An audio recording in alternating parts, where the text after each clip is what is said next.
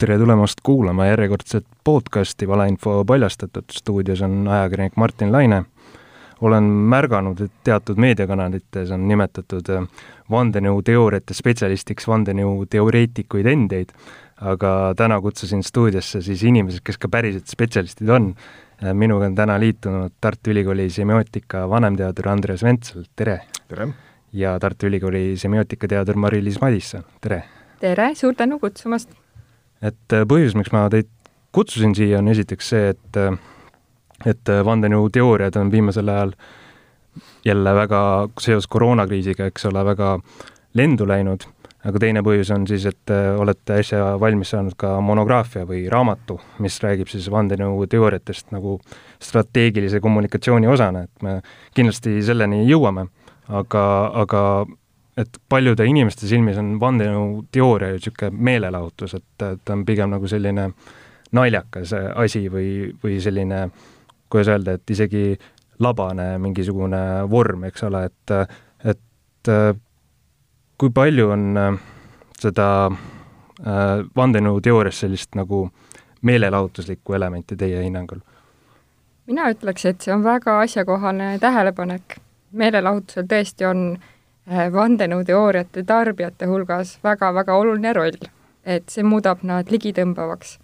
ja võib-olla kohati ka see ambivalentsus, et äh, et kui miski väljub nagu täiesti kontrolli alt ja seletus läheb liiga kaugele, siis saab öelda, et oi, me lihtsalt fantaseerisime, äh, tegi-, jah, tegime seda lõbu pärast, katsetasime erinevaid viise, kuidas võimurite pahategusid seletada, aga teisalt midagi seal ikkagi on, et niisugune vahepealne hoiak aga jah, vandenõuteooriad äh, täidavad sarnast funktsiooni nagu klatš või nagu sellised kuulujutud, et nad tihti ähm, kajastavad kõige mõjuvõimsamaid inimesi, tipp-poliitikuid, meediaeliiti ja nii edasi, ja omistavad neile salajased ja kuritahtlikud teod.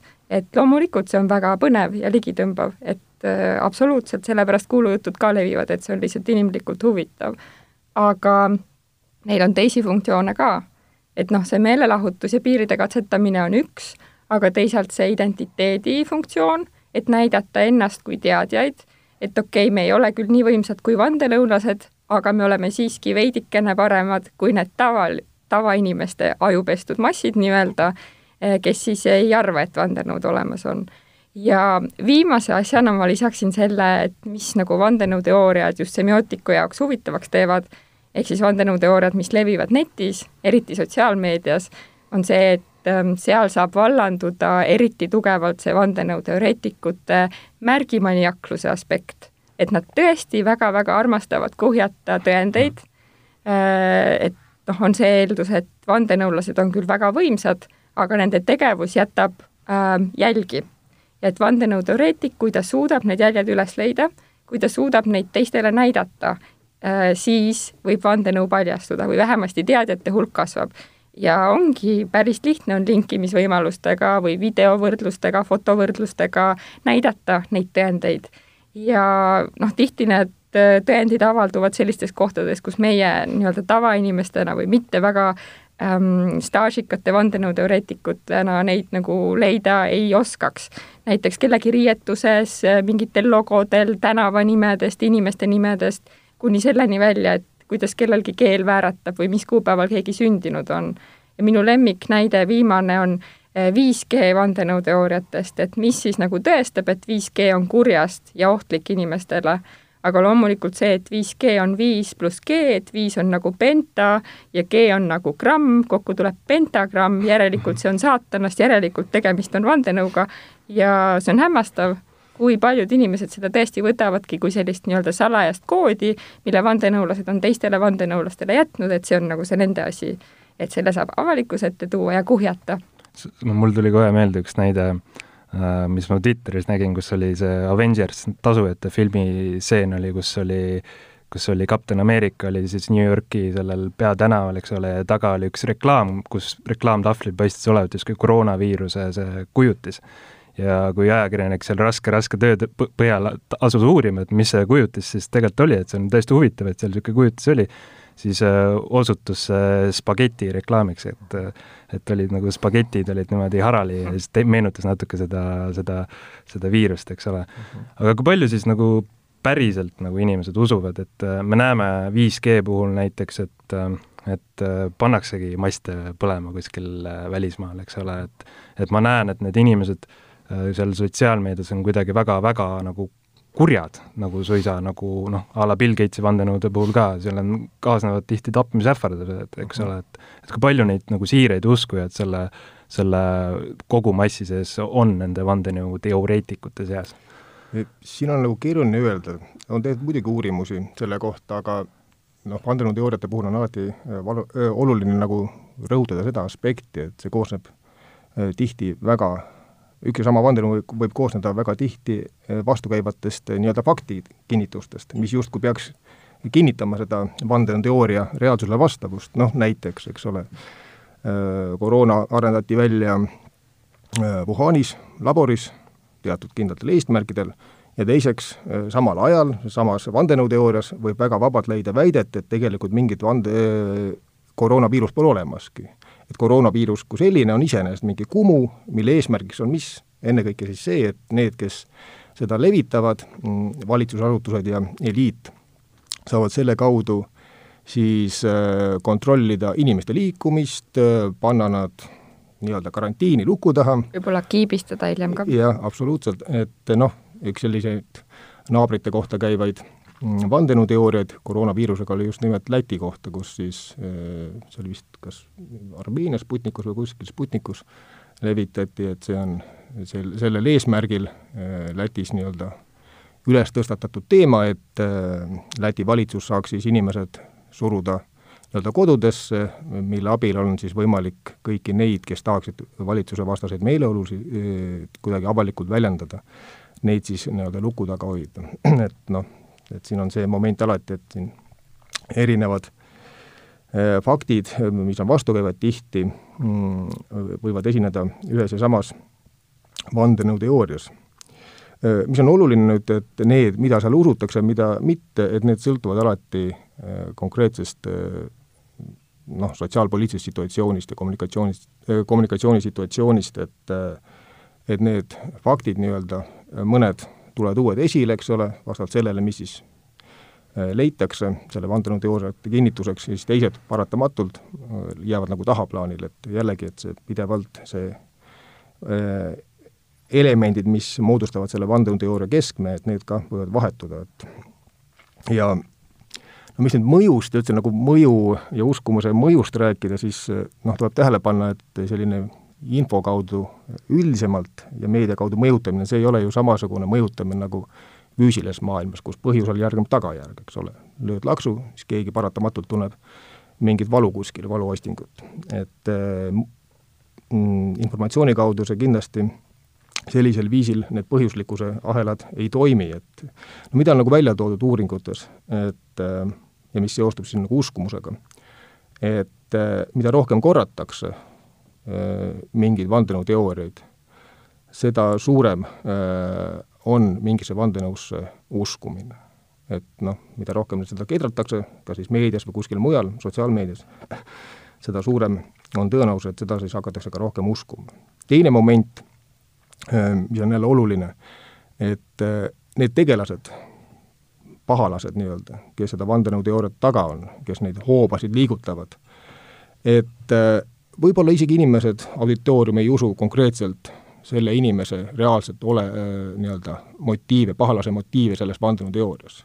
aga selle inimesega, tegelasega jääb, kaasneb nii-öelda mingisugune negatiivne taust, mulje ja nüüd sedasamat äh, nime kuskil mujas kontekstis kohates, mis ei ole üldse vandenõuteooriaga seotud, siis kandub üle see negatiivne mulje ja loomulikult see nii-öelda raamib juba seda uut uudist, mis ei ole üldse vandenõuteooriaga seotud, selle tõlgendamist. et see on see üks äh, oluline moment, mida me võime välja tuua siin äh, uskumuse ja mõju ulatust, äh, ulatusest nagu rääkides. ja, ja üks nagu kindel mõju, mida on näidatud vandenõuteooriate puhul, ongi selline üldise eliidivastase hoiaku ja. võimendamine ja, ja ka nagu teaduse autoriteedi mm -hmm. kahtluse alla seadmine. sest noh, need on pidevalt sellised äh, mm, vandenõuteoreetikute põhilised objektid, eks ole, keda siis süüdistatakse, ikkagi eliit, eks ole, need, kes on võimu juures, hoobade juures, või on kuidagi teistsugusel viisil äh, võimelised suuremate rahvahulkadega manipuleerima, et need on alati äh, peamised tegelased selles äh, konspiratsiooniteoorias. jah, sest lõpuks jääb auditooriumile meelde, et midagi kahtlast seal ja. on, midagi kogu aeg nende kohta räägitakse, okei okay,, mõnikord need seletused on liialdavad ka, aga järelikult ikkagi tasub olla skeptiline. Mm.. et äh, me tulime siia rääkima tegelikult äh, ka sellisest nagu vandenõuteooriate sellisest teadlikumast kasutamisest võib-olla, et et, et kui me vaatame erinevaid selliseid stratkommide mingisuguseid raporteid ja asju, siis me näeme, kuidas äh, a la Vene või Hiina või mis iganes selline riigi propaganda on võtnud enda sellises strateegilises kommunikatsiooniks, kommunikatsioonis jutuks ka a la vaktsiinid ja, ja mhm. maskid ja eks ole, et äh, et kui palju võib olla siis selliseid vandenõuteooria, mis on reaalselt pärit kuskilt riigiasutuste mingitest hämaratest kabinettidest? see tegelikult, see küsimus on väga oluline küsimus ja sellega tegelesime ka oma raamatus, sest see seostub äh, nii-öelda äh, strateegiliste narratiividega, nagu, mis oli meie üldisem raamistik, omistamise, äh, omistamise probleemiga, et kellele me omistame selle infovoo, mille kaudu püütakse siis mingit sihtauditooriumi mõjutada. On selge, et see oleks strateegilise kommunikatsiooni seisukohalt endale vee peale tõmbamine, kui nüüd seesama nii-öelda vandenõu teooria väljamõtleja ütleb avalikult välja, et jah, et ma mõtlesin välja seal kabinetis kuskil, kirjutasin mingi sketši ja ja siis selle kaudu ma püüan kuidagi manipuleerida seda sihtauditooriumi. et vaevalt nüüd seda on ja see on jah, keeruline nagu tuvastada. Selles mõttes, mis on võimalik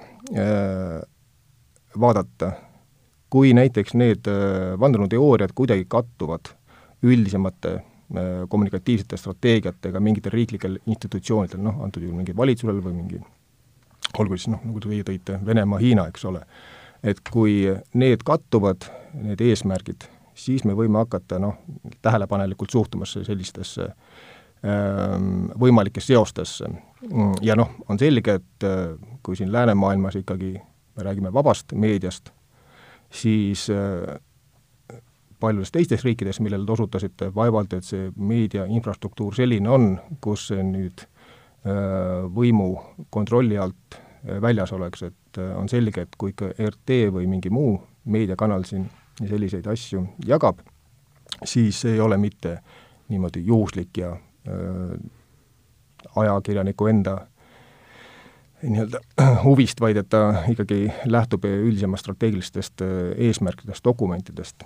aga noh, kui me tuleme nüüd selle mm, tuvastamise juurde üldse, et siis võib-olla võiks selle küsimuse nagu sõnastada teistsugusel viisil, et mitte niivõrd ei ole oluline see, kas me tuvastame selle esmaallika, eks ole, kas keegi reaalselt on võtnud kätte pastaka ja kirjutanud paberile mingi mustandi vandenõuteooriast või siis vajutab sellele send nupule seal kuskil valitsuskabinetis ja siis hakkab see levima ja muutub viraalseks, kui hästi läheb.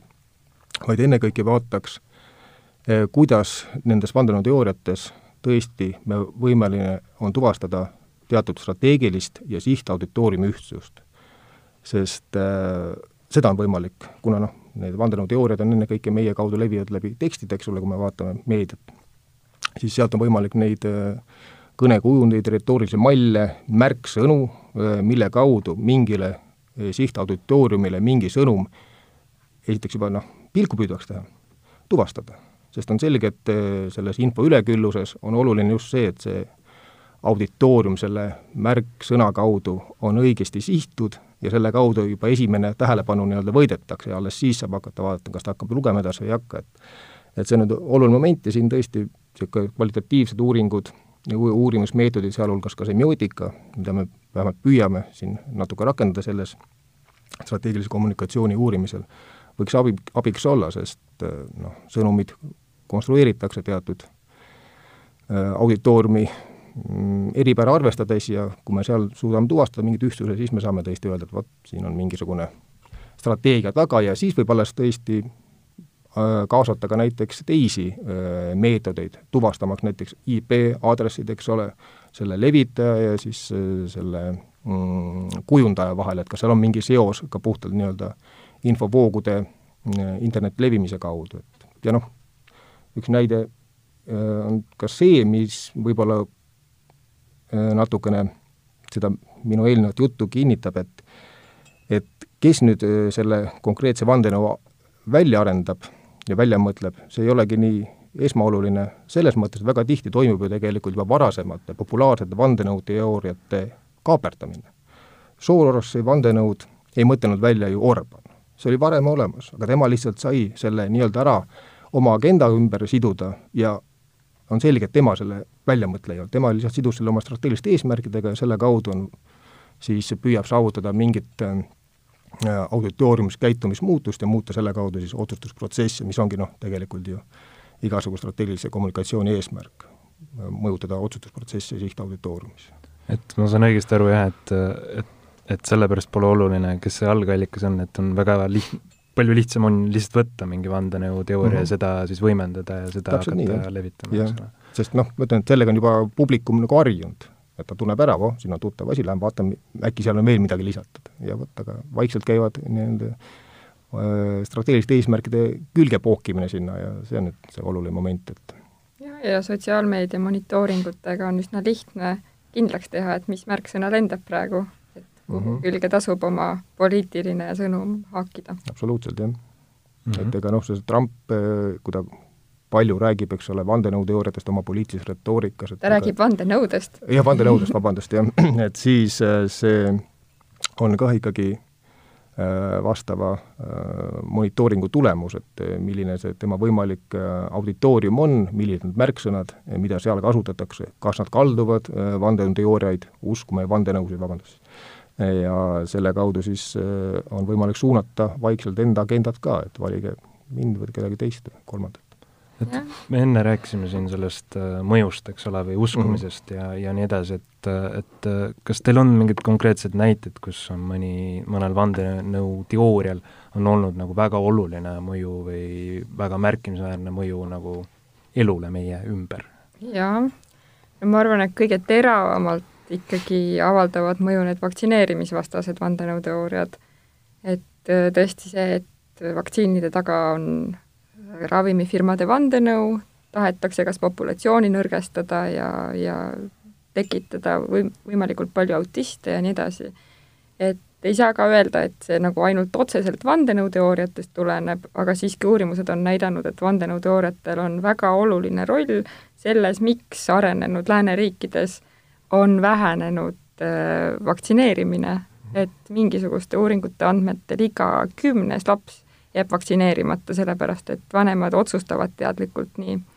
aga, aga see jah. ei olegi võib-olla otseselt seotud selle nii-öelda põhjus-tagajärg seosega konkreetse vandenõuga, vaid selles, et vandenõuteooria kui selline õõnestab lihtsalt tead, teaduspõhist meditsiini, mis on ikkagi nii-öelda mainstream meditsiin, selle vastu usaldusväärsust, et noh, seal ei pea olema ainult konkreetne, et me näeme selle põhjus-tagajärge selle konkreetse vandenõuteooria ja siis selle meditsiini diskursi vahel, vaid et see öö, õõnestab nii-öelda usaldust tervikuna sellise teaduspõhise meditsiini vastu, et see on noh, kuidas see mõju ka toimub nii-öelda meedia kaudu, et jaa, aga see on nagu hästi selline mhm. konkreetne mm -hmm. näide, et tõesti noh, et üks asi on see, et need lapsed ise on haavatavamad näiteks leetritele, aga teisalt ka populatsioonis üldiselt on langenud kriitiline mass vaktsineeritud inimesi ja ohtu satuvad need, kelle antikehade määr veres on madal, sest et neid vaktsineeriti võib-olla nelikümmend aastat tagasi et äh, noh, see on kindlasti, aga teisalt ka need üksikud hundid ähm,, ehk siis äh, radikaliseerunud indiviidid, kes on toime pannud mingi veresauna äh,, väga tihti osutavad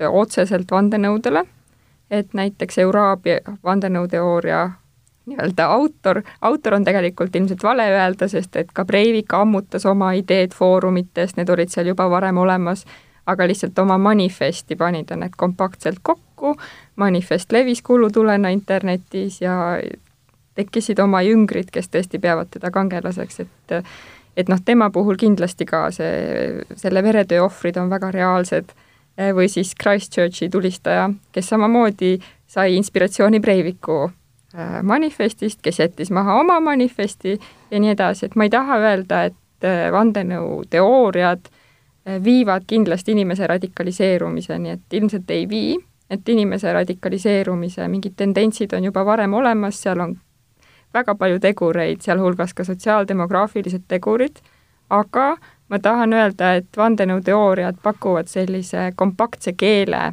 millega tõlkida oma selline abstraktne võib-olla maailmavalu ja pettumuse ja vihatunne konkreetsete sihtmärkide keelde ja ka teistele näidata seda. ja kolmas näide on minu jaoks huvitav, aga samas ka murettekitav ja haakub natuke selle asjaga, millest rääkis Andreas, ehk siis, et vandenõuteooriad, ähm, isegi kui auditoorium neisse ei usu, aitavad populariseerida mingeid märksõnu, ehk siis märksõnu inimeste teadvusesse tuua ja, ja seal neid hoida, et kas need on mingid tegelased või need on mingisugused vandenõulaste imevahendid, millega nad näiteks mõtteid kontrollivad või mingid muud äh, atribuudid, mille abil nad oma salanõud äh, toime saadavad. Ja üks nendest on kindlasti see kriisinäitlejate kontseptsioon, mis on populariseerunud ähm, USA-s, vandenõuteoreetikutel on selle populariseerimisel väga suur roll et laiemasse avalikku teadvusesse jõudis see kahe tuhande kaheteistkümnendal aastal, siis kui oli kooli tulistamine mm, Sandy Hookis ja olid üsna nagu marginaalsed vandenõuteoreetikud, kes oma foorumites arutasid, et ei, tegelikult ei olnud olemas kooli tulistamise ohvreid, et ka nende perekonnad ja need ohvrid on kõik näitlejad, Hollywoodi näitlejad, nagu Märuli stiilis toimus see mahalaskmine. Ja ja see ei kogunud kohe populaarsust, aga ilmusid sellised leheküljed, mis nagu tõesti defineerisid seda, tõid nii-öelda jutumärkides tõendeid. äh, ja nagu avasid seda kontseptsiooni, kriisinäitlejate asja. ja hilisemate kooli tulistamiste puhul, näiteks Parklandi tulistamise puhul, äh, selle korjasid üles ka tabloidilehed ja siis tekkis nagu otsingumootoritest tohutu kasv, kõik Äh, või noh, väga suured auditooriumi segmendid hakkasid huvi tundma kriisinäitlejate kontseptsiooni vastu ja pärast seda hakkasid toimuma ka reaalsed rünnakud, nii nagu verbaalsed laimukampaaniad kui ka reaalsed rünnakud nende inimeste vastu, kes tegelikult olid nende tulistamiste ohvrid või ohvrite perekonnaliikmed. et selline nii-öelda ka mõju nagu sellisel teisel tasandil või nagu mingi lisatasandina. ja noh, nüüd muidugi seoses George Floydi tulistamisega on see, see kriisinäitlejate kontseptsioon jällegi saanud nagu hoogu juurde mm. -hmm. et äh, te olete korduvalt siin maininud, noh, juba neid märksõnu tegelikult ise ka, et et on niisugused rollid, eks ole, vandenõuteooriate levimisel, et on need, kes levitavad, kes usuvad, et neil on kombeks olla nagu ühesugused ja need, keda maalitakse siis nagu siis vaenlaseks, et need on tihti näiteks eliit, eks ole. et meil on teatud sellised Ida, Ida-Euroopa riigid, kus äh, on valitsuses teatud parteid, kes on, kes on selle eliidi vastasuse nagu teadlikult sõnastanudki enda nagu programmis, eks mm -hmm. ole.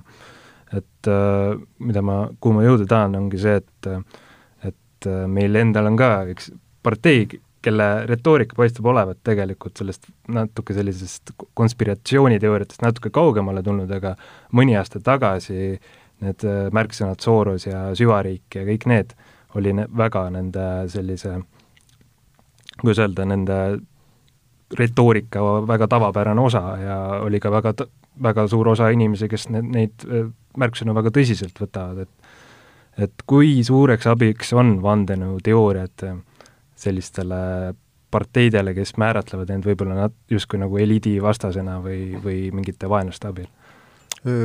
Kindlasti on selles mõttes abiks vandeteooriad, sest nad ju loovad konkreetse vaenlase kuju.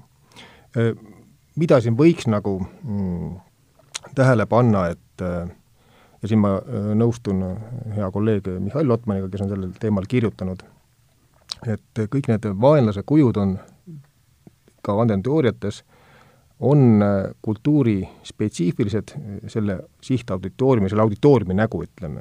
et äh, vaevalt, et nüüd, et vandenõuteooria loob täiesti ex nihilo mingi uue vaenlase.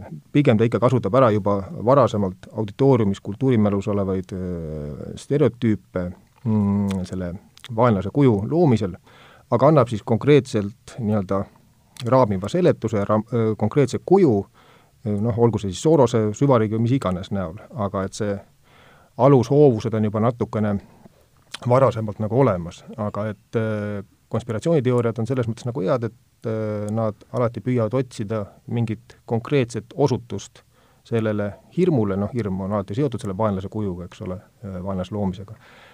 ja noh, kui neid on kohe võtta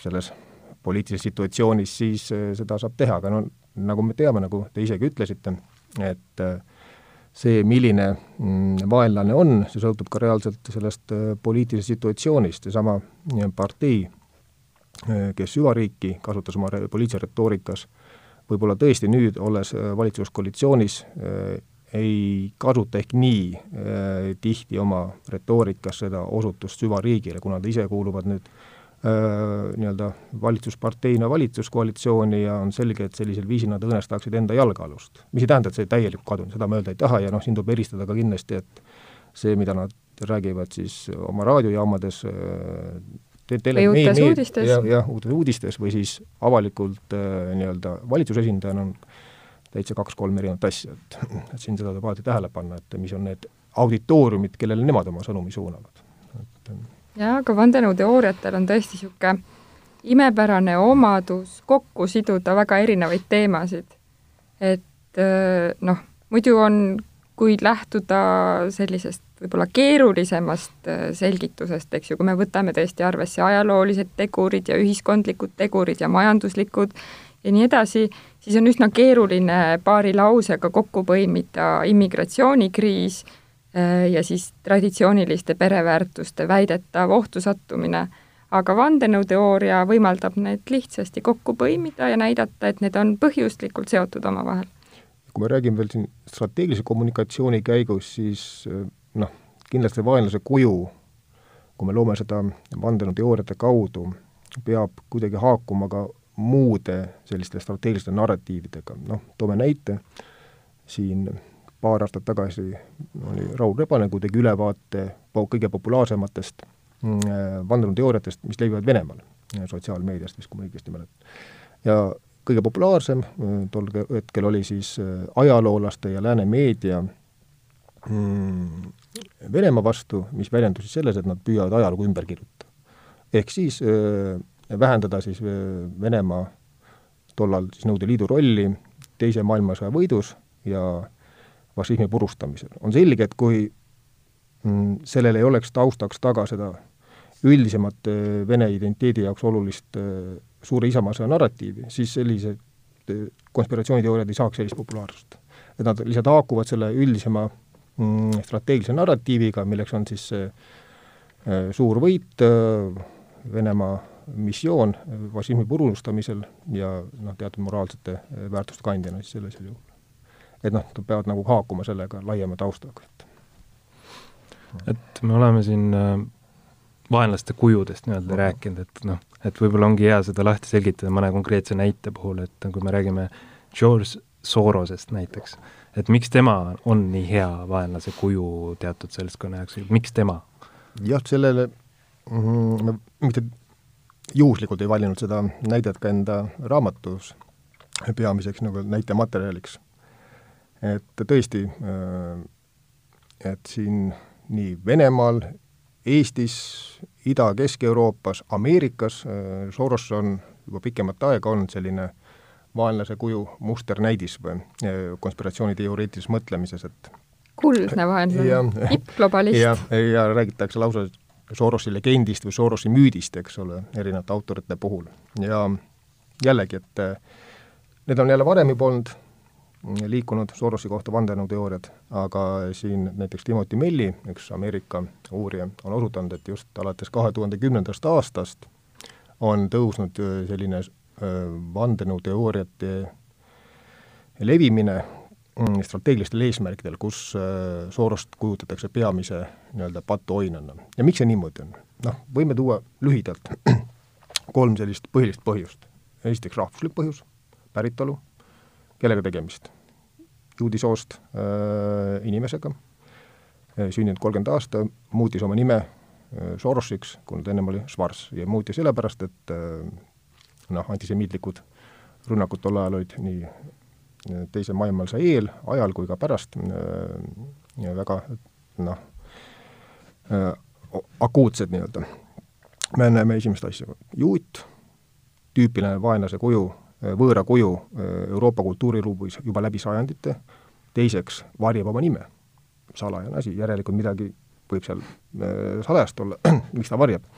teine moment, kuidas ta sai tuntuse laiemalt finantsoperatsioonidega, mäletame, et see oli vist üheksakümmend kaks aasta, kui ta äh, õnnestus oma äh, finantsspekulatsioonidega äh, Bank of England põhja lasta. et seega raha, miljardär, raha, mis on Euroopa kultuuriruumis jällegi kristlikust taustast lähtuvalt selline ambivalentne fenomen, ühelt poolt kõik me justkui armastame raha, vähemalt ütleme, et meil ei ole selle vastu midagi, kui teda meil on. aga keegi ei julge tunnistada, et me väga ihaldame seda või armastame raha raha pärast, et jällegi niisugune äh, asi, mis tekitab sellist assotsiatsioone ja pahelist kuvandit. Ja, kolmas äh,, meedias ennekõike hakkas ta ju figureerima äh, kui suur filantroop ja erinevate kodanikuühiskonda arendavate projektide algatajana, olgu see siis Äh, erinevate vähemusõiguste eest olevad projektid, äh, korp-, korruptsioonivastased projektid ja selle rahastamise kaudu. me näeme, et, et siin on seos võimuga. on päritolu, juut, raha vahendina ja võim, mida ta tahab saavutada. see on kolm asja, mis on äh, alati sellist noh, tekitanud suuremas osas inimestes sellist negatiivset suhtumist, et enamikel arvatavasti ei ole raha, enamikel ei ole ka võimu, noh, ja kui sellel ühel inimesel lisaks juudi päritolule, eks ole, seal need kõik asjad olemas on, siis on ta ju hea äh, nii-öelda mm, kuju selle vaenlase kuju täitmiseks konspiratsiooniteooriates. Aga jah, jällegi, et see sõltub alati ka konkreetselt sellest äh, äh, noh, kultuuri taustast, noh, me ise nagu uurides Sorostis ei tuvastanud näiteks siin eriti kristluse Äh, väärtusi õõnestavaid äh, narratiive, mis on siis justkui Sorosi eesmärgiks siin Eestis. pigem öeldi, et ta äh, tahab sellist kultuurmarksismi siin levitada, mis on selge, et jällegi tuleb sealt meie viiekümne aastasest marksismi taustast ja üldiselt bolševism ja kultuurbolševism ja mis iganes need sõnad seal sellega kaasnesid ja mis külge poogitakse Sorosi tegevustele, et need on negatiivselt kogu noh, suurem osa auditooriumis ikkagi markeeritud Eestis. jaa, aga näiteks Leedus ja Venemaal seostatakse teda konkreetselt nagu kristluse õõnestamisega, kuidas ta propageerib aborte näiteks. Sest noh, kristlus ei ole lihtsalt meie kultuuriruumis mingi selline, vähemalt institutsionaalsel tasandil, eh, nii oluline ühiskondlik tege-, tegur või tegutseja, et seda peaks nüüd võtma kui peamise rünnatava objektina, et vandenõuteoreetikutes ja, ja USA puhul mind nagu hämmastas veel üks asi, millega Sorost seostatakse, on äh, narkootikumide populariseerimine. Et ma ei olegi täpselt aru saanud, kust selline seos tuleb, aga millegipärast see on läbiv Sorose vandenõuteooriates no võib-olla see on seotud selle kanepi debati äh, liberaalse mm, -hmm. liberaalse maailmavaatega, selle või mm -hmm. midagi, midagi sellist. jaa, jaa, võib-olla küll. aga jah, et, et lõpetada see Äh, teemaplokk, et, ähm, et üsna le-, paljud inimesed, kes vandenõuteooriaid levitavad, ütlevad, et äh, aga vandenõuteooriad on ju tihti ka paika pidanud. et kas teie teate mõnda sellist näidet, kus vandenõuteooria äh, ei, ei osutugi enam teooriaks, vaid vandenõuks? Äh, jah, lühike vastus on, et teame küll. et siin on muidugi tähtis see, kuidas me defineerime vandenõuteooriat et kui me ütleme, et see teooria võiks olla sünonüümina seletusele, ehk siis vandenõuteooria on seletus, mis ütleb, et on olemas vandenõu, et mingite sündmuste käivitav jõud on vandenõu, siis me tõepoolest äh, tunnistame, et näiteks riigipöörded äh, või äh, siis konkreetsed atendaadid mingitele riigipeadele näiteks on vandenõud ja näiteks USA kriminaalõiguses ongi kohe eraldi selline vandenõu seaduse nii-öelda menetlemise paragrahvide hulk. Et selles mõttes küll, et tõepoolest vandenõu on mingisuguse salarühmituse kuritegelike plaanide kavandamine ja elluviimine viisil, et kannatab suur hulk inimesi. et noh, riigipöörde puhul niimoodi võib olla küll. aga vandenõuteooriate puhul mis äh, seostuvad mingisuguse laiema sündmuste hulgaga, näiteks nende Sorosi teooriate puhul tihti hakatakse rääkima, et see sai kõik alguse noh, kümneid, kui mitte sadu aastaid tagasi, kui teised tippglobalistid, muuhulgas ka tema, siis hakkasid äh, näiteks valge rassi ja ja traditsioonilise perekonna vastu vandenõud pidama ja seda õõnestama ja see hõlmab endasse sadu, võib-olla isegi tuhandeid sündmusi, rääkimata nagu miljonitest inimestest, kes kõik selle vandenõusüsteemi allosad on. et seal tulevad mängu tõesti mm, sellised müstilised omadused nagu selline piiramatu ennustusvõime, piiramatu tuleviku nägemise võime ja keerukatest ühiskondlikest protsessidest nii-öelda juhuse elimineerimise võime, et seal võib öelda küll, et tegemist on liialdustega ja, ja selliste fantaasiarikaste seletustega, mis võivad küll olla väga kasulikud, et jah, me nende kaudu saame seletuse, miks heade inimestega halbu asju juhtub ja kuidas see juhtub, aga teisalt äh, jah, ei tasu nende uskumisega liiale minna. jah, et väga oluline just, et see tegu, mida siis nagu tehakse, eks ole, mingi pahategu, et äh, selle motiivid on veel laiaulatuslikumad kui see konkreetne tegu oma tagajärjena võis kaasa tuua, no tahan raha saada ta-, tapan kellegi ära näiteks, mõrvan. aga noh, minu eesmärk ei ole ainult raha saada, vaid et saavutada ülemaailmne võim. vot siis loob selle erinevate võimalike seoste kaudu siis selle konspiratiivteoreetilise maailma seletuse, et mille pärast ma üldse mingeid pahategusid teen et jah, kui ta jääb liiga kitsaks, lokaalseks, siis on ta lihtsalt noh, kriminaalne tegevus, aga et kui see on niisugune suurem öö, motiiv taga seal öö, mingil teol, et siis see viitab millegile suuremale ja noh, siis võime nimetada seda konspiratsiooniteooriaks, mitte lihtsalt vandenõuks, et noh, kindlasti vandenõusid olemas. Et siin ei ole mingi küsimuski, et igasugune paha tegu, kui salaja tehakse, võib vandenõuks nimetada, eks ole et mulle tundub, et see ambivalentsus, mis, mis vandenõuteooriate puhul tihti esineb mm, -hmm. et see võimaldab ju tegelikult kohaneda kogu aeg olukorraga. et, et kui midagi lükatakse ümber, siis on võimalik sinna võtta mingi teine seletus juurde mm, -hmm. et tegelikult sellist olukorda, kus on üks konkreetne vandenõuteooria ja see lükatakse ümber, et sellist olukorda tegelikult nagu ju ei olegi väga. No täiesti õige jah, et äh need psühholoogilised mehhanismid, mis inimest nii-öelda takistavad vandenõuteooriatesse miskus, mitteuskumist, kui ta juba usub, no näiteks kui me tahaksime mingisuguseid vandenõuteooriaid ümber lükata, siis noh, soovitus on seda mitte alustada sellest, et sa ütled, et sinu seletus on vandenõuteooria, vaid hakka tükk tükkhaaval nendesse faktidesse, millele see vandenõuteooria siis üles ehitub, neid üksikuid fakte nii-öelda ümber lükkama. või siis nende faktide vahelisi seoseid, nagu ma ütlesin enne, et noh, on ju vastuolu, et Wuhanis on loodud koroonaviirus ja samas vandenõuteoorias öeldakse, et koroonaviirust kui sellist üldse ei esinegi.